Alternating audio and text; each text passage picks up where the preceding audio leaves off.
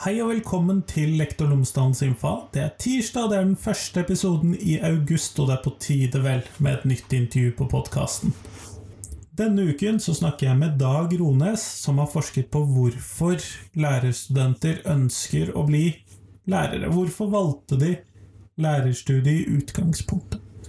Vi ser på læring, vi ser på motivasjon, vi ser på hva som endrer seg i løpet av lærerstudiet.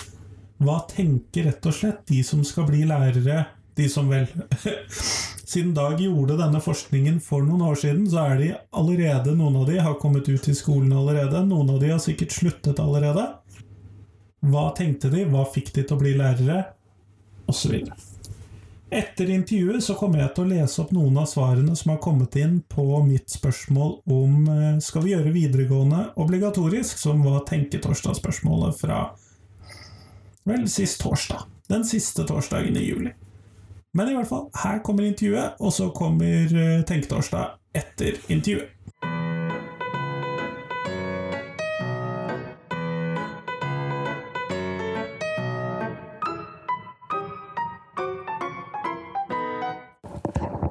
Dag Rones, tusen takk for at du har tatt deg tid til meg i dag. Bare hyggelig. Før vi starter selve intervjuet, kunne du ha fortalt lytterne mine tre ting om deg selv, sånn at de kan bli litt bedre kjent med deg. Ja. Jeg, eh, jeg er da fra Bergen, og, eh, og har alltid hatt hjertet mitt her. Men jeg har faktisk hatt veldig store deler av oppveksten min på Østlandet. I Vikersund, Modum kommune. Der hadde jeg nesten hele skoletiden min. Det er den ene tingen. Eh, det andre er ja, Jeg kan fortelle om, altså jeg har et hovedfag i pedagogikk fra NLA-høgskolen i Sandviken. Og jeg har um, en ph.d. her fra Universitetet i Bergen. Nå jobber jeg på Institutt for pedagogikk på Universitetet i Bergen og har mye med lærerutdanningen å gjøre. Tredje ting Jeg vet ikke. Jeg ting jeg snakker om, ender ofte opp i å snakke om gitarer. Jeg har en spesiell interesse for gitarer. Jeg syns gitarer er et fantastisk instrument. Så jeg synes det, ja. Så jeg er litt mindre, mer enn mindre, middels interessert i gitarer. Det ja. Så hvor spennende de tre tingene var, det vet jeg ikke, men det er i hvert fall tre ting om meg sjøl. Ja. Jeg tror de ble litt bedre kjent med deg, i hvert fall. Ja, vi får se. Grunnen til at vi snakker sammen i dag, er fordi at du har sett en del på hvorfor folk blir lærer. Og da lurer jeg jo selvfølgelig på hvorfor blir folk lærere? Hvor, ja. det, hvorfor vil lærerstudenter dette? Ja, det er et godt spørsmål, og jeg har lyst til å returnere det med en gang. Hvorfor ble du lærer? Ja, hvorfor det? Eh, jeg flyttet til eh, Minnesund utenfor uh, Oslo når jeg var ferdig med, nesten ferdig med bachelorgraden min, og så trengte jeg litt penger. Ja. Uh, og, så jeg, og så fikk jeg lærervikarjobb. Uh, og jeg syns det var helt fantastisk. Ja. Fikk jeg teste ut også hvordan det var å drive med spesialpedagogikk som den ufaglærte 22-åringen som ja. ble satt inn til å være utreisende lærer. Ja. Um, så det var jo sjokkerende og veldig fint. sånn at uh, jeg testet ut, derfor fikk jeg lyst til å være lærer. Ja.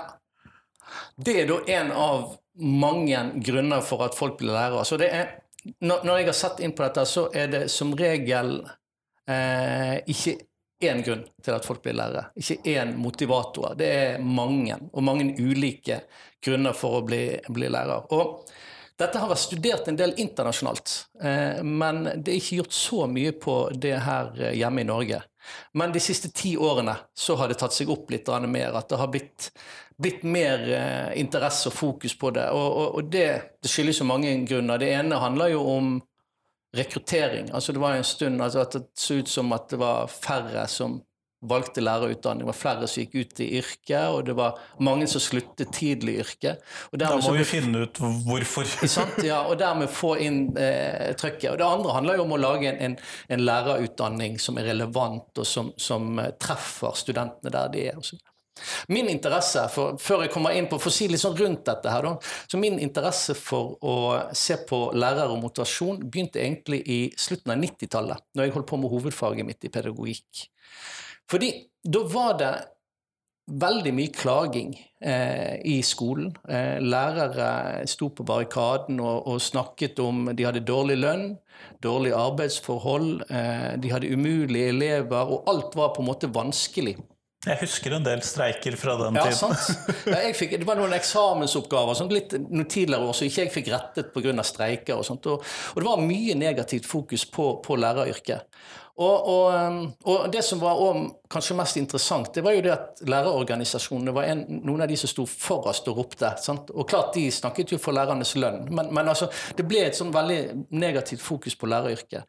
Og da ble mitt spørsmål altså, hvis dette er så ille, hva er det som gjør at dere fortsetter? Altså, hvorfor, hvorfor er dere her? Sant? Så da skrev jeg en hovedoppgave om, om lærere og motivasjon. Og, og eh, det, er, det er flere ting vi kan trekke frem derifra, men det som er hovedessensen i det, er at, at det oppleves veldig meningsfullt. Da. Så på tross av disse negative stressordene som de pekte på, så var det det at det å, å eh, på en måte være med og hjelpe unge frem, det å se de mestre, og det at de lykkes, og det å tilrettelegge for dette, opplevdes veldig meningsfullt. Så det er liksom eh, det, det, den store, store var da, i hvert fall den gangen, da den store motivasjons, eh, motivasjonsfaktoren, da, eller at det var vik, viktig motivasjonskilde, kan du si. Men hvis vi ser da på forskningen eh, generelt, så er det eh, mange ulike typer innfallsvinkler til å forske på lærere og motivasjon, og, og hvorfor folk ønsker å bli lærere. Eh, innenfor den tradisjonen jeg har jobbet litt, der, der, jobb, der eh, deler en opp eh, motivasjon for å bli lærer inn i tre ulike motivatorer. Eh, det er det de kaller for eh, altså store, store sekker. Det ene, handler om, om, indre motivasjon, det andre handler om ytre motivasjon, og det tredje handler om altruistisk motivasjon. Der den indre motivasjonen det handler om at en fokuserer på eh, forhold på jobbinnholdet. Altså at det å undervise er kjekt, det å være sammen med elevene er kjekt. Altså at jobbinnholdet i seg sjøl er den viktige drivkraften. Eh, så er det den andre som vi plasserer på den ytre motivasjonen. Der handler det om ting som er, handler om forhold som ikke knyttes direkte til jobbinnholdet, men det som kommer i på utsiden av det. på en måte, At, at, eh, at en ønsker å bli lærer pga. ferier. Sant? En ønsker å bli lærer pga. lønn eller et eller annet som handler ikke om jobbinnholdet, men noe Foreldrene var lærere? Hva sa du? Foreldrene var lærere? Ja, sant. Ja, ja, det, ja, det, kan kanskje knyttes til den ytre, det òg. Og den tredje er da det altruistiske altruistisk motivasjon. Og, og, det handler om uegennyttige holdninger knyttet til at de ønsker å være med og bidra for barn og unge. Ønsker å være en ressurs og være til hjelp på en eller annen måte. Så de tre store sekkene på en måte eh, deler forskningen eh, motivasjon for å bli lærer inn i. Det er én av tradisjonene. Det er flere ulike tradisjoner. Og det forskningen viser da, er jo at det er i hovedsak så er det indre og altruistiske motivatorer for, eller motivasjon for å bli lærer. Ehm, det viser, i hvert fall All den vestlige forskningen virker i den, eller synes å peke i den retning. Eh, så har du enkelte studier som sier at det er ytre motivatorer som er de viktigste motivasjonskildene, som, som ehm, eh, som lønn, som fast jobb osv. Og, og det finner du i en del land der du har, eller i noen få land, der eh, det ikke nødvendigvis er populært å være lærer, men at eh, det er den eneste faste jobben du kan få, på en måte. Og at det er relativt stabile forhold knyttet til at eh, og du kanskje faktisk har en organisert ferietid, og, for ja, det mangler jo ofte i en del land. Ja, ja, det er en ting, men, men, det er også knyttet til en del utviklingsland. Der, der det er vanskelig å få, uh, få, jobber, og lærerjobber. Hvis du bor på en måte utenfor sentrale strøk, så er det lærer du kan være, på en måte, hvis du ikke er bonde eller et eller annet annet. Sant? Og, og eh, det er også noen steder der lærerne, for å beholde nye lærere, så har de spesielle enten rettigheter eller fordeler, sånn at du får fast jobb med en gang du er ferdig med utdanningen. Og, og det, Der pekes det på at, at en del sånne ytre motivatorer kan være, kan være kilde til drivkraft for å bli lærer. Mm. Så, eh, Men denne inndelingen har også blitt en del kritisert. altså Forholdet mellom altså Er altruistisk motivasjon egentlig ytre motivasjon? Altså, altså at en kan problematisk, Men vi trenger ikke gå inn i det, det er kanskje mer akademisk interesse. Altså, men, men, men, det er eh, noe med hva, hva, grunner er den en, en, en, ja, Hva legger en til grunn for å bli lærer? Og Da er det som regel det at det er noe i jobben i seg sjøl som er kjekt, eller at en ønsker å bidra på en eller annen måte. Det, jo, det lyder jo positivt, da. Ja, sant. Ja.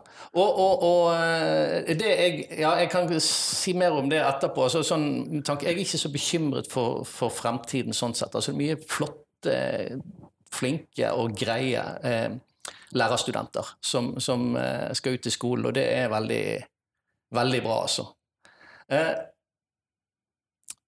det jeg har sett på, da dette som vi snakket om nå, det er den generelle internasjonale forskningen. Det er den overbyggingen ja. som du har brukt. Ja. Og, og, det jeg har eh, sett på i første omgang, eller begynte med, det var eh, PPU-studenter. Altså studenter ved praktisk pedagogisk utdanning. Det er, det er studenter som, som da har en, en, bachelor eller en mastergrad. Fra høsten av nå som var, så må du ha en mastergrad for å komme inn på PPU, som da praktisk pedagogisk utdanning. Det betyr at du tar profesjonsdelen av utdanningen din eh, etter du er ferdig med mastergraden din. Altså Da tar du pedagogikk, fagdidaktikk og, og praksis, som er en profesjonsdel, i ett år etter du er ferdig med utdanningen. Så du har egentlig studert fag hele veien, og så går du over til ok, nå skal jeg inn i skolen? Riktig. Riktig, ja. Så da, det jeg gjorde da, det var at jeg undersøkte alle PPU-studentene som startet ved Universitetet i Bergen, i Stavanger, ved NTNU og Universitetet i Tromsø. Og, og spurte de om eh, På tre ulike tidspunkt eh, om eh, på, Eller først første dagen i utdanningen, og mot slutten av PPU, og halvannet år etter de var ferdig. Så spurte de om hvilke, for, hvilke motivasjon har de for å bli lærere jeg spurte de om hvilke forventninger de hadde til utdanningen og til læreryrket, og hvordan de så på sin fremtid i læreryrket. Ehm, det som kom frem da ut i, eh, fra disse resultatene av PPU-studentene, så var det faget. Og det å formidle faget som var deres viktigste motivator for å bli lærer. Eh, ved oppstart av eh, utdanningen. Eh, det var veldig sånn tydelig. Det var en del andre faktorer som vi skal komme tilbake til. Men, men, men det var virkelig sånn, det var faget som var viktig. De ønsket å jobbe videre med dette. Det som var interessant, var det at jeg så på en del eh, myter knyttet til PPU-studenten. eh, det er bl.a. en myte som sier at eh, jeg har jo et, en mastergrad i faget mitt. Jeg er jo ekspert på faget mitt. Jeg trenger ikke å ha en en, pedagogikk eller en lærerutdanning for å formidle faget mitt. Det, var, det, er en sånn myte. altså At ikke alle som er like interessert i å ta denne PPU. Det andre er at eh, også en, en, kjent myte, det er det at PPU-studenten det er den studenten som har gått på universitetet i mange år, tatt masse fag. Det eneste han passer til, er å bli lærer. Kan ikke brukes til noen ting annet. Har masse, fag, har masse fagkompetanse og sånn. Og den tredje, det handler om at jeg vil bli lærer fordi at eh, det er gode ferieordninger, eller at avspaseringsordningen er gode. Sånn. Det er tre myter som kan avkreftes. Det stemmer ikke. Klart, Det er elementer. Det er jo noen som syns at det å ha eh, jeg skal ikke si en lang sommerferie, men ferie og avspasering. altså At det kan være attraktivt med yrke og sånt. Men, men en kan ikke på en måte bygge hele lærerjobben sin på et, en måned eller halvannen i løpet av sommeren. Altså det, og, og, og, det samme og de som tar eh, har mange fag. De har ofte hatt en plan med det, eller at, at, de ønsker å undervise, de ønsker å bli flinke i disse fagene og ønsker å formidle disse fagene videre. Og, og og det at de ikke trenger PPU, det er også eh, Klart det er noen som mener det, men, men det er eh, de fleste er ganske usikre på undervisningssituasjonen og, og ønsker å få litt mer eh, kunnskap om det.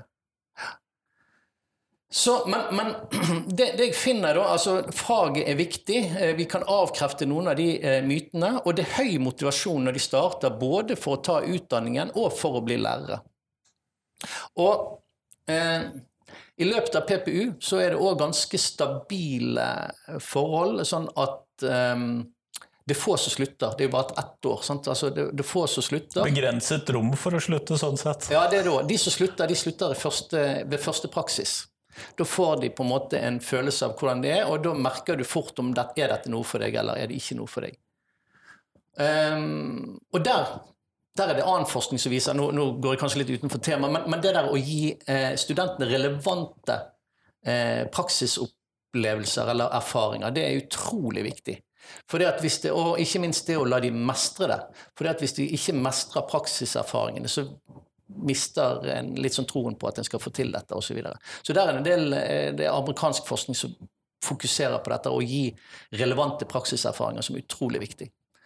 Så, men, eh, men motivasjonen synes altså til, Fra første til andre undersøkelse så synes motivasjonen for å gå inn i yrket å være relativt stabil. Og eh, det er lite frafall, som sagt. Men det er interessant, det skjer en del endringer med motivasjonen i løpet av den eh, utdanningen og i løpet av PPU. Og det er for det første at de oppdager eleven. Merkelig nok. det, Når de fikk tilbringe seks uker med den? Ja, sant. Ja. Og, og, det er jo noe med at, at, plutselig Oi, disse elevene de var jo gøye. Sant? Altså, det er jo disse vi skal undervise. Disse er det gøy å være sammen med. Og, og her, dette er jo artig. Sant? Altså at de eh, for de som får det til. da. Noen blir litt skremt av elevene òg. Men, men altså, det er veldig interessant å se de oppdager elevene. sånn at når du spør de andre gangen om motivasjon, så plutselig kommer eleven ganske høyt opp. Han var oppe tidligere òg, men den, den, kommer mer frem. Det andre er det at eh, de erfarer at de får til undervisningen. Da blir det plutselig gøy å undervise. Sant? De kan få bruke faget sitt, de kan formidle faget sitt, og det er gøy og de mestrer det. Sant? Og det òg kommer da høyt opp på, på, på, hvorfor en vil bli lærer. Og så endelig så er det det at de opplever det som meningsfullt. Sant? At det å bli lærer, det, det er De vil være med og gjøre en forskjell. Sant? Altså det er dette, de opplever kanskje at Det ser du kanskje mer enda, enda mer når de har vært ute i yrket en stund, at, eh, at det er bruk for dem at her har jeg noe å bidra med. Her, her, gjør jeg en viktig jobb. Her kan jeg gjøre en forskjell. på en måte. Og da blir det en veldig sånn eh, sterk motivator. Da. Så det, så det er jo eh, ja, det, det, er viktige endringer som skjer. Men det betyr ikke at faget kommer i bakleksen. Men det er flere ting som kommer opp. Igjen tilbake til det jeg sa, at det var, det var ikke én ett forhold som motiverte, men mange forhold som Det profesjonsfaglige kommer da mer på plass da etter hvert? Ja, og de relasjonelle perspektivene.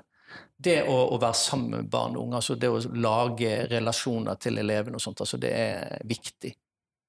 En annen ting som da er interessant også å se på, det, dette gjelder da PPU-studenten, det er det at jeg sier at motivasjonen er relativt stabil, og så er det da Eh, ambivalensen eh, er også stabil. Eh, på den måten, altså De som er motivert, de er motivert hele veien. Men jeg finner da at eh, en fjerde, altså 25% av de som starter, de er ikke sikre på om de skal bli lærere. Eh, mange av disse tar jo da eh, PPU fordi at Altså, de har jo da et hovedfag. Og mange tenker at det kan jo være greit å ha undervisningskompetanse i dette faget, selv om jeg ikke nødvendigvis skal inn i skolen. Og da har du f.eks. Eh, nå har ikke jeg undersøkt eh, Grieg-akademiet i dette, men, men, eh, på NTNU så er det mange som studerer musikk, som vil ønske å bli musikere. Sant? Det er deres primære ønske, å bli utøvende musikere. Men vi vet at utøvende musikere må ofte det, det er få stillinger. ja, det er det ene. Og det andre er det at de har ofte De underviser ved siden av. Og da eh, skjer det noe med lønnen din. Og det skjer noe med, altså, Hvis ikke du har den undervisningskompetansen, så, eh, så eh, er det ikke sikkert at du får undervise, eller du får dårligere lønn. Så, så, det er ikke alle som primært er interessert i å gå inn i skolen, men de vil gjerne ha undervisningskompetanse. Sånn for å kunne undervise f.eks. i kulturskolen, da, for å ha for den backup-jobben som står der mens de prøver å lykkes som musikere. Ja, ja riktig. Ja. Og en har jo privatteam, en har altså, og, og så, så, så, det er mange som tar PPU for å ha flere bein å stå på. på en måte. Sant? Og da er det da en gruppe på 25 og det er også de som har de klassiske fagene, altså norsk, og, eller nordisk og engelsk og matte og hva det skulle være, eh, som også er usikre på om det er læreryrket de skal bruke utdanningen til. Men de syns det er greit å ha dette. Også. Og, men denne ambivalensen, sant? skal jeg gå inn i skole eller ikke, den er også stabil. Ja. Og eh, det som er eh, viktig å si i den sammenhengen, det er jo det at, eller som er utfordringen med dette, er det at eh, når folk er ferdig med utdanningen, med PPU, så er det veldig mange, spesielt i byer og tettbygde strøk, holdt jeg på å si, som sliter med å få en stødig jobb. Og sliter med å få en jobb, eh, i hvert fall fulltidsstilling. Og veldig mange har som klattverks, altså 20% der og 20% der på ulike skoler, og får ikke jobbe fulltid. Og, hvis de da blir oppdaget av noen andre, eller de får en annen jobb, så forsvinner de ut fra skole. Sant? Ja, nettopp. Sånn at det er storbyproblematikken er ganske levende for rekrutteringen. Absolutt. Og det betyr da at um, de forsvinner inn i andre jobber, og uh, det er ikke vi har ikke gjort så mye studier, Det er gjort noen studier på det her i Norge, men det er jo ikke så mange som kommer tilbake igjen. Sant? Da blir de igjen i det andre yrket, eller at de forsvinner vekk fra skolen. Og Det er jo det som departementet kaller for reservestyrken. Sant? Alle de som har lærerutdanning, men er andre steder. Men Litt det er ikke sånn at du kan bare... reserve. det, er akkurat det. Det er ikke sikkert at de, de, eh, kommer igjen. Så Derfor tror jeg det vil være lurt, sånn rent politisk, da, å legge til rette på en eller annen måte, sånn at nyutdannede kjappere får eh, jobber og faste stillinger og 100 stillinger, og ikke minst får god veiledning inn i yrket. For det er ganske krevende å starte opp i læreryrket. Sant? Det er ikke bare å undervise i faget sitt, det handler om 100 andre ting. Så, og, og det, det, er ikke gjort forskning på det her hjemme, men en del amerikansk og australsk forskning sier jo det at det er de flinkeste og de mest talentfulle som forsvinner først. Sant? Det er jo veldig synd. Sant? Det betyr ikke at de som er igjen, ikke er det, men vi mister mange eh, potensielt flinke lærere. Eh, så, det, så, de bør vi egentlig Eller det har jeg sagt noe rundt omkring, at en bør legge til rette på en bedre måte for å ta imot nye lærere. Det tror jeg er veldig viktig for å for å få de inn i yrket, for at de ikke skal forsvinne, og for at de skal fortsette å være i yrket. At det ikke skal være et slit de første fem årene med å få seg stillinger, og alt er usikkert og i en etableringsfase osv. Ja, for det er jo stressende nok med å skulle lære seg liksom å håndtere foreldre og Sant. Rektorer og kolleger og elever og foreldremøter og IOP-er og gud vet hva ellers. Ja. Og det er alle de tingene der som er, er, krevende å få til. Og det er sånne ting som en ikke lærer i utdanningen. Sant? Alle de praktiske tingene som kommer eh, Eh, i tilknytning til lærerjobben. Det er sånn som du lærer gjennom bratte bakker når du starter. og det er litt vanskelig kanskje å skulle legge opp en operasjonalisert lærerutdanning som tar for seg disse tingene også. Ja, ja og så er det liksom hva er det en skal legge vekt på i lærerutdanningen? Dette blir jo et helt nytt spørsmål, men hva er viktig i lærerutdanningen? Jeg skal ikke gå inn på det nå, men, men en, en, kan ikke bare drive med praktiske ting i, i utdanningen. Det, det, det, gjør en i praksis òg når en starter. Sant? Så er det en del av de mer sånn faglige og substansielle og, og eh, ja, faglige tingene en jobber med. Nå er jo det også mye faglig håndverk. Men, så, men, jeg vet ikke om vi skal gå inn på den hva er viktig i lærerutdanningen. Men, men, men, eh, men, jeg tror i hvert fall at altså, den første tiden er, er relativt krevende, i, opplever de fleste. Eh, og, og, da må eh, vi sørge for i hvert fall at lærerne har, har jobber. At de ikke at, at de, eh, Hvis alt på en måte flyter, så er det krevende å være der. Da er det veldig lett å, å søke, søke, seg andre steder. Spesielt folk som har mastergrad i, i et fag som er kompetente til å brukes i mange andre sammenhenger. Og sånt. Så, ja. ja. Men uh, vet vi noe om forskjellene, for du har snakket om PPU, vet vi noe om uh, denne motivasjonsfaktoren hos lektorstudentene, eller er det sett mindre på det? Ja, nei, det, det, altså, det driver vi og graver litt i. Det, altså, nå har jeg snakket om, Dette er uh, doktoravhandlingen min, dette handler om PPU-studentene. Men etter det så har jeg begynt å, sammen med kollega Ingrid Helleve og Liv Eide, å se på motivasjon blant lektorstudenter, altså 5 LU, femårig lektorutdanning. Og Forskjellen på PPU-studenten og lektorstudenten det er det at PPU-studenten tar jo da pedagogikk eh, og profesjonsutdanningen etter mastergraden sin, som jeg, jeg sa i sted. Mens eh, eh lektorstudenten, altså 5 LU-studenten, starter med en intensjon om å bli lærer. De starter et femårig masterløp der profesjonsbiten i utdanningen er integrert i fagutdanningen. Så de starter på dag én med intensjon om å bli lærere. Da er de lærere om fem år. Mens PPU-studenten trenger ikke bestemme seg for hva han skal bruke faget sitt til før helt til slutt. sant?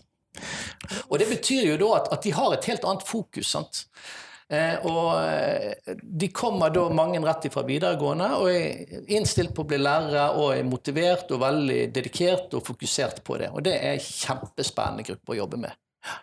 Og det vi har gjort da, det er at vi har gjort det i noen år. Eh, bedt de skrive om sin Helt i oppstarten av utdanningen så skal de skrive om sin motivasjon for å bli lærer. og da skriver de en tekst om dette. Og det som vi ser da, er jo at det er jo mange av de samme forholdene som kommer frem, som vi har snakket om. Men det som er interessant å se, som ikke kommer like tydelig frem på de andre, det er det en, uh, uh, i hvilken grad egen lærer har hatt betydning for deres motivasjon. At det er veldig mange som trekker frem at de har hatt en lærer som har hatt en eller annen bestemt betydning som gjør at de ønsker også å bli lærere. Og da er det tre litt morsomme kategorier. Det ene handler da om at eh, de har hatt en lærer som har eh, inspirert dem på en eller annen måte. Eh, enten gjennom eh, sin entusiasme for faget. Entusiasme er kanskje en av de viktigste smittende motivasjonsfaktorene. Sant? Altså, eh, Um, selv om det ikke er forsket på det, men vi opplever liksom sånn at, at møter vi noen som er engasjert, så smitter det. sant?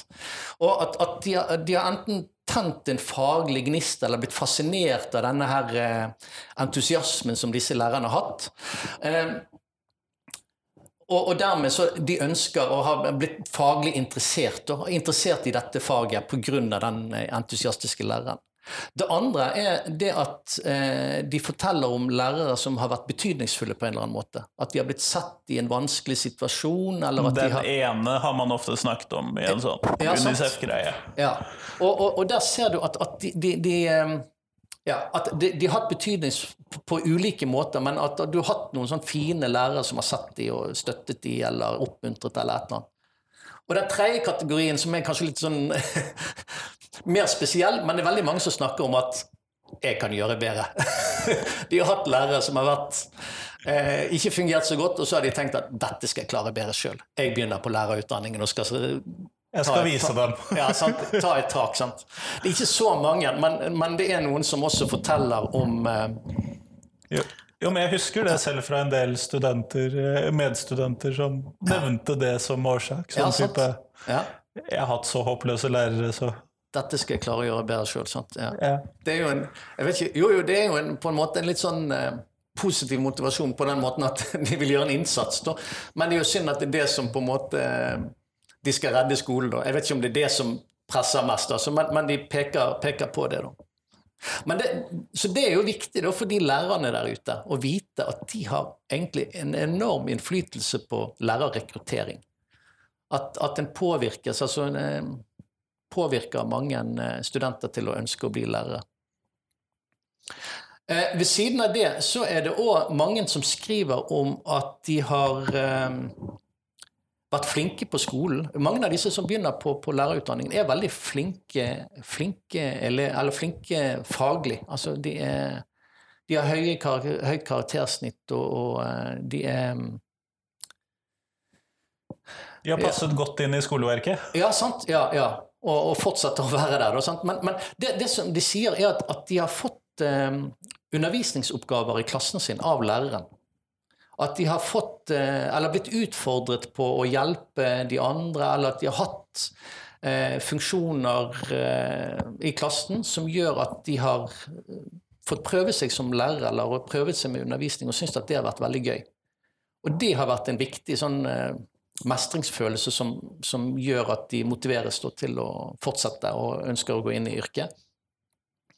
Um, og, eller at de har vært trenere, eller at de har vært instruktører. på en eller annen måte. Altså At de har hatt undervisningsoppgaver opp gjennom oppveksten som har uh, Dette har de likt å drive med. Sant? Ja, riktig. ja. Og så er det da den eh, kategorien som er knyttet til mening. Det er en liksom vanskelig eh, kategori å analysere, men, men, det der at det er meningsfull jobb, de vil gjerne gjøre en forskjell, de vil gjerne bidra til barn og unges utvikling, de vil gjerne bruke seg sjøl for å hjelpe andre. Som ligner ganske mye på den altruistiske kategorien din på PPU, da. Ja.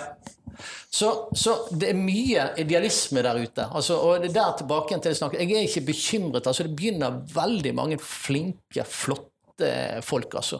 Som når de kommer ut i skolen, kan være med på å prege fremtiden til eh, de unge på en positiv måte. Så jeg eh, jeg, jeg syns dette er, det er spennende gruppe å jobbe med. Og, eh, ja.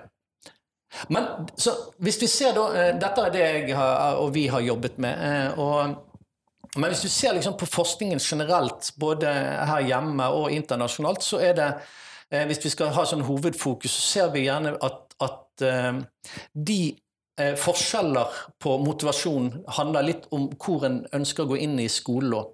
Mens mange eh, som ønsker å jobbe med de unge elevene, altså de yngste trinnene, så er det mye fokus på, på eleven, det å være sammen med eleven, hjelpe barn og unge frem osv.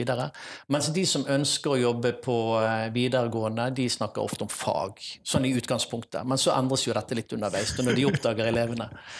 Eh, men det som også er interessant, er jo det at veldig mange av de som begynner på lektorutdanningen, de ønsker å eh, eh, de ønsker å jobbe i den videregående skole. Det som er intensjonen. De vil liksom høyest opp på. Så kommer de, og så har de praksis både på videregående skole og på ungdomsskolen. Og etter den praksisen så er det mange som snakker om nei, jeg lurer faktisk på om jeg heller har lyst til å jobbe i ungdomsskolen. Og det er noe med at De sier at de får en annen kontakt med elevene, og det er gøyere på en måte. Det er mye mer liv og sånt å være i ungdomsskolen. Så, så det er ikke sånn at, at fordi om en er faglig flink, og sånn, så ønsker en å være i eh, eh, være i videregående. Altså, men, men altså, det der livet som skjer på, i de yngre trinnene, sånn, det mister du litt i den videregående. Sier, dette er litt svart-hvitt, men, men eh, Jo, men jeg deler den opplevelsen. sånn ja. at... eh... Sitter og ser mye inn i datamaskiner. sant? På, på, videregående skole. Du får ikke samme kontakten med, med Og så har du ofte færre timer med de. Og ja, ikke minst. ja. Og du er på mange flere grupper. Og, ja, sant, og, det, ja. og færre så, sosiale problemer på ja, videregående. ja, sant. ja, det er også en, en, en ting, sant. Så, ja. Men så det Jeg tenker liksom at, at eh, det, det ja, nå, nå, altså Dette med motivasjon igjen. altså Akkurat denne overgangen, å ta imot de nye lærerne, og sånt, altså det er en veldig viktig fase. Så jeg tror det er veldig viktig å få folk eh, til å stå i læreryrket og, og, eh, og, at de har lyst til å være der videre. For det er noe som jeg finner, og jeg ser også Einar Skålvik oppe på NTNU finner det, det han kaller altså, han kaller det et eller annet, altså, men det er et paradoks knyttet til det at veldig mange trives, men de er usikre på hvor lenge de blir i yrket. Og det sier litt om eh, trøkket. Og, og eh, hvor krevende det er å stå i yrket. Og, og, det er så mange ting å forholde seg til, mange elever å forholde seg til, og mange ulike utfordringer osv. som er så det, det, akkurat det utseendet sier noe om det trøkket de står i. og sånt, altså, så det, Men de står, tenk den utrolig viktige jobben lærerne gjør. Sant? Altså, det er jo Det skal ikke kimse av det der. Sant? Så ta vare på dem. Det er en veldig viktig ting. Ja. Mm. Mm. Nei, eh, og jeg hører jo det at det er eh, mange elementer her, og det høres jo ut som det bunner litt i en sånn Ok, vi må faktisk sørge for at lærerne kommer seg ut i læreryrket, høres jo ut som en veldig sånn kraftig bøyg her, da. Ja. Det å få de faktisk ut i den faste jobben og gi dem den tryggheten, mm. så beholder man de ofte.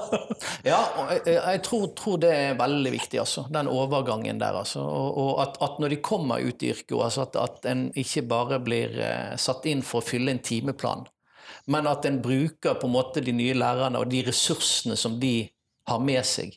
For det, Ofte så kan en tenke at, at en begynner da i et læreryrke og, og um, um, skal på en måte tilpasses den virkeligheten som foregår i skolen. Men tenk da for altså, Alle som kommer inn, de har jo en spesiell kompetanse, et eller annet spesielt de kan bidra med. Det er ikke sånn at de bare må sosialiseres inn i den eksisterende kulturen, men hva kan de ta med seg inn? Sant? Og, og, hvordan kan en på en måte utfordre og bruke de, den kompetansen eller de ferdighetene som da eh, den enkelte nyutdannede har med seg. Sant? Så de må ikke stå bare med hatten i hånden og tenke at her skal jeg lære hvordan jeg skal gjøre dette, men de har også, eh, har, har også mye med seg eh, av egne, egne ting som de kan bruke. Mm. Ja, eh, og der så jeg jo i dag tidlig et oppslag om at veldig mange kommuner ikke gir de nyutdannede lærerne disse mentortiden og denne reduserte arbeidstiden i begynnelsen og sånn, Ja. sånn at det Det er en utfordring. Ja. Så det er, og en har en del rettigheter altså, som nyutdannet som, eh, som en ikke alltid får. Mm. Vi går mot slutten av podkastintervjuet, og da har jeg et fast spørsmål som jeg skal stille til deg som til eh, alle de andre jeg intervjuer. Ja, og det er eh, du, Hva er det viktigste skolen lærer til elevene? Sånn hvis du skal velge ut tre ting. Ja. Det der syns jeg er vanskelig. Og i hvert fall å si at det er det, viktigste. Det, du har jo nevnt dette for meg tidligere. Altså, men, men altså at, at, så jeg følger den. Det var en annen som sa til deg at er tre viktige ting. Sant? Altså, det er, for det, det er masse å ta av her. Og jeg vet ikke om jeg tar de rikt, viktigste tingene, men, men en ting som, tre, noen ting som jeg tenker på som er viktig, det er det å eh, Jeg, jeg, jeg syns jo det er spennende med motivasjon, og tenker at det er veldig viktig med motivasjon i alle ulike sammenhenger. Og altså det der er hvor, er, hvor henter en drivkraft? Hvor er det liksom, hva er det som gir på en måte bensin i det vi holder på med? Sant? Og det å hjelpe elevene til å finne egen motivasjon eller egen driv, og ikke være avhengig av at andre skal på en måte fortelle dem hva de skal gjøre, eller legge til rette, eller eh, at, at oppbygging av den indre motivasjonen, da. ja, ja. Og jeg, jeg, tror ikke, altså, jeg tror det er naivt å tenke at alle kan være indre motivert til å gå på skole eller gå, lære det og det faget. Det tror ikke det går. Men, men hvordan finne på en måte de knappene i seg sjøl som kan være med på å gi litt sånn gass og, og drivkraft, og unngå en sånn passivitet. Eh, eller unngå at de blir sånn negativt passivt, at de bare sitter der og venter på, eller følger flokken. Eller, altså, at de har en eller annen sånn egen motor. Hjelpe elevene med å finne den, og ikke være avhengig av alle de andre. Og Motivasjon det er jo også noe som må pleies og vedlikeholdes. Ikke sitte og vente på inspirasjon eller på, på og, og, det å gi da elevene mestringsfølelse som gjør at de får en tro på at jeg ved hjelp av min egen innsats kan få ting til. Det tror jeg er viktig. Så det er liksom den første tingen knyttet til motivasjon. Den andre tingen som, og her må jeg holde tunge beint i munnen så jeg ikke sier noe feil her, men det, det, det handler om å hjelpe elevene til å tåle frik friksjon og motstand. Eh, tåle at en ikke alltid er best, og tåle at en ikke får ting til uten at det er noe galt med en. Sant? Altså at en tenker 'jeg får ikke til det, det er noe galt med meg'. Sant? Og De aller fleste av oss tilbringer jo tiden stort sett midt på treet i det Sant. aller meste vi driver med. Sant.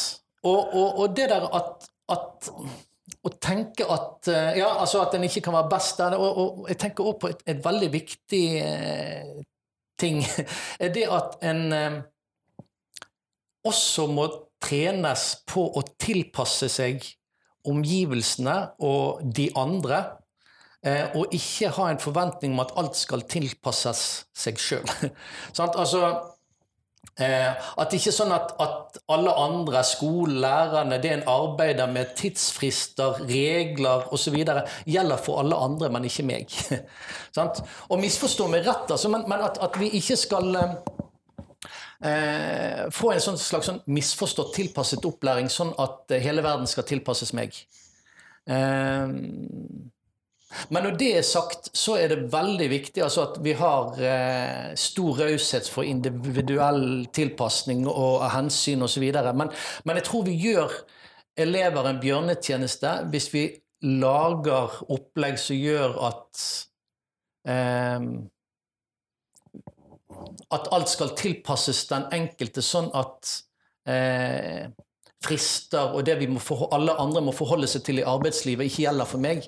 For det da vil de få et problem når de skal begynne i arbeidslivet, for sånn fungerer ikke arbeidslivet. sant? Nei, det blir tungt. Sant? Ja.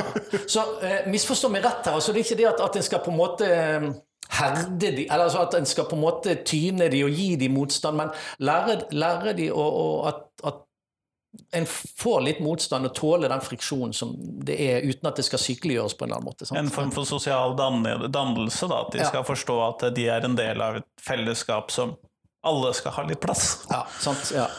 Og da kommer vi inn på det siste, siste punktet, som handler om å forholde seg til hverandre. Sant?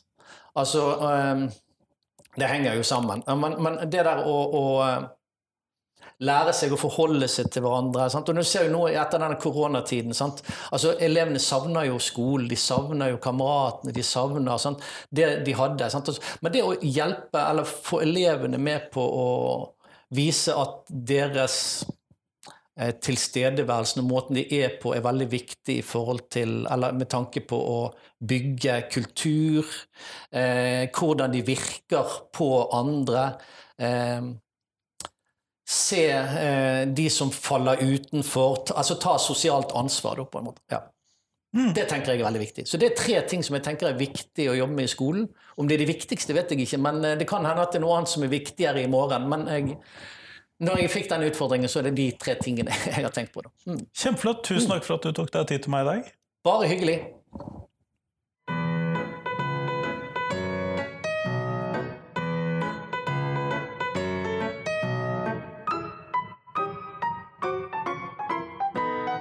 Tusen takk til Dag, og tusen takk til deg som hører på.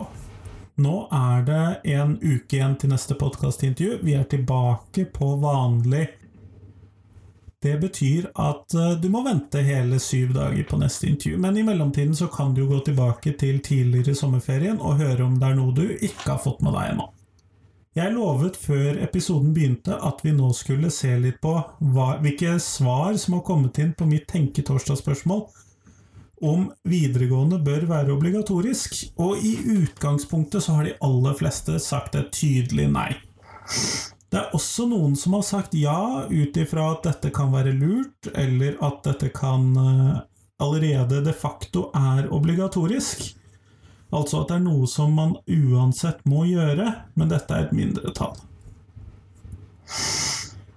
Ellers så ser jeg det at eh, det stilles noen spørsmål, som f.eks. fra Espen Hage Blokdal, som spør hvis videregående skulle vært obligatorisk og en elev ikke vil gå på videregående og derfor ikke søker, hvilken linje skulle man satt eleven på da? I tillegg til det så har det også kommet inn noen interessante perspektiver her. Heidi Torp Stakseth skriver jeg syns alle bør gå på videregående og få allmenndannelse, og lese skjønnlitteratur og oppdatere seg i historie, samfunnsfag, religion, språk og realfag gir eleven en følelse av verdi og mestring og kjenne tilhørighet i samfunnet. Det gjør han/hun i stand til å delta i samfunnet, forstå mer i livet, også på det personlige plan. Hvis han eller hun vil kunne lære å føre interessante samtaler med kjæresten sin og sine fremtidige barn, delta i diskusjoner med venner, Skole vil også kunne være et medisin mot evig surfing på nett, narkotika og kriminalitet. Nå er jeg litt usikker på om skolen funker for alt dette, og så ser det for min del i hvert fall ut som Heidi Torp Stakseth har eh, glemt yrkesfagene til dels. Eh, Og det bør vi ikke gjøre. Ellers så kommer Roar Ingjerd med et forslag om å gå mer i en hva skal vi kalle det, kontinental eller tyskspråklig retning. Et forslag da er å dele, og da siterer jeg Et forslag vil være å kunne dele opp VGO i allmennalternativene gymnas, realgymnas og yrkesskole. Gymnas bør være fireårig tilbud der elevene må kvalifisere seg med minst 40 grunnskolepoeng for opptak. Her bør valgene stå mellom historielinje, samfunnsfaglinje, språklinje og realfagslinje. Gymnaset bør tilby mer fordypning i historie, filosofi og geografi, kunst og språk i dagens studiespesialisering. Siste året bør eleven skrive en ettårig fordypningsoppgave, og elevene må opp til eksamen i alle fag for å fullføre vitnemål. Gymnas gir allmenn studiekompetanse. Jeg siterer fremdeles Realgymnaset bør være et fireårig tilbud som gir eleven fagbrev og studiekompetanse til praktiske utdanningsløp. Inntakskrav 36, 35 grunnskolepoeng. Det bør være et praktisk-teoretisk tilbud for ungdommer som ønsker å forene praktisk arbeid med teoretisk utdanning i en 50-50-fordeling. Dette kan være en vei inn til f.eks. sykepleierutdanning, hotellfag, bedriftsøkonomi, bokhandlerfag, bibliotek og andre tradisjonelle høyskolefag. Avsluttes med eksamen i alle fag, praktisk muntlig tverrfaglig eksamen og fagprøve. Videre siterer jeg yrkesskole bør være et treårig tilbud som kun gir fagbrev. Her bør det legge opp til to tredjedeler praktisk arbeid i bedrift og verksted og en tredjedel teori. Krav til inntak 20 grunnskolepoeng eller opptaksprøve avsluttes med fagbrevet. Eh, dette er en avart av den tyske modellen, og nå er sitat slutt. Dette er en avart av den tyske modellen hvor man gjør dette valget allerede tidlig. Og jeg må innrømme at jeg er relativt skeptisk til en slik modell. Samtidig så har jeg ikke noen annen konkret modell til hvordan vi skal forandre eller reformere videregående skole hvis vi skal gjøre det. Eh, og det bør man kanskje komme opp med hvis man skal svare noe. Eller så er det noen som ønsker, og her siterer jeg Sigurd Rage eh, Jeg tenker at spørsmålet heller er om elevene skal gå på lik ungdomsskole, eller om man skal kunne velge yrkesretting allerede fra 8. eller 9. klasse. Dette er mer sånn som den tyske modellen faktisk er, altså at man velger dette tidligere. I Tyskland så velger man enda før det også. Og som sagt, jeg er litt skeptisk. Da Mikkelsen sier er det ikke nok å plage de som sliter i ti år. Det vi trenger er flere alternative løp, gjerne med praktisk tilsnitt og en generell rett til VGO, uavhengig av alder. Eh, og da er sitat slutt. Og dette ligger jo delvis inne i Lied-utvalget, som eh, ønsker å fjerne aldersbegrensningen på videregående skole.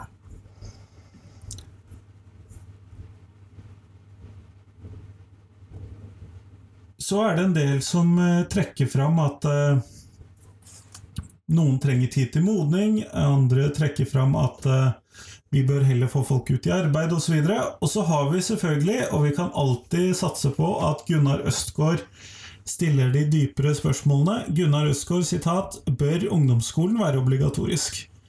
Slik som det er i dag, så er videregående ikke obligatorisk, men det er en ganske stor forventning. Men da er spørsmålet fra han bør altså ungdomsskolen være obligatorisk. Så er det selvfølgelig en som trekker fram noe viktig, men som jeg ikke ser at noen har hevdet. Eh, Martin Fredriksen, jeg siterer Vi har ikke skoleplikt i Norge, verken grunnskole eller på videregående, men vi plikter å gi barna en form for undervisning og opplæring. Det må ikke foregå innenfor fire vegger, det gjør vi bare fordi det er billig og bekvemt. Det har han helt rett i, men vi har en obligatorisk grunnskole. Så må vi selvfølgelig finne ut hvor den skal gjennomføres, og den kan i dag gjennomføres hjemme. Men det er et krav til hva den skal inneholde, og det er et krav til ganske mye knyttet til læringsmiljøet der, også for de som velger hjemmeundervisning. Men det er ikke skoleplikt, men det er en opplæringsplikt som i dag inneholder grunnskolen. Spørsmålet her ville være om den også skulle inneholde videregående skole, uavhengig av om det er skoleplikt eller ikke. Men i hvert fall, hva tenker du om dette? Hva tenker du om eh, den tyske modellen som flere har foreslått? Hva tenker du om å avvikle videregående? Hva tenker du om å gjøre ungdomsskolen ikke-obligatorisk. Eh, send meg gjerne en melding, eller skriv inn en kommentar. Du finner dette tilbake på torsdagens dato, og torsdag var 30. juli. Så finner du flere av disse, bl.a. inne på Facebook-sidene til Lektor Lomsdalens innfall. Men i hvert fall, fram til neste uke så håper jeg at du kan eh, dele podkasten min med noen. Det kommer et nytt Tenketorsdag-spørsmål på torsdag denne uken. Og send meg gjerne tips til hvem jeg skal intervjue. Men tusen takk, ha en fin uke. Hei, hei.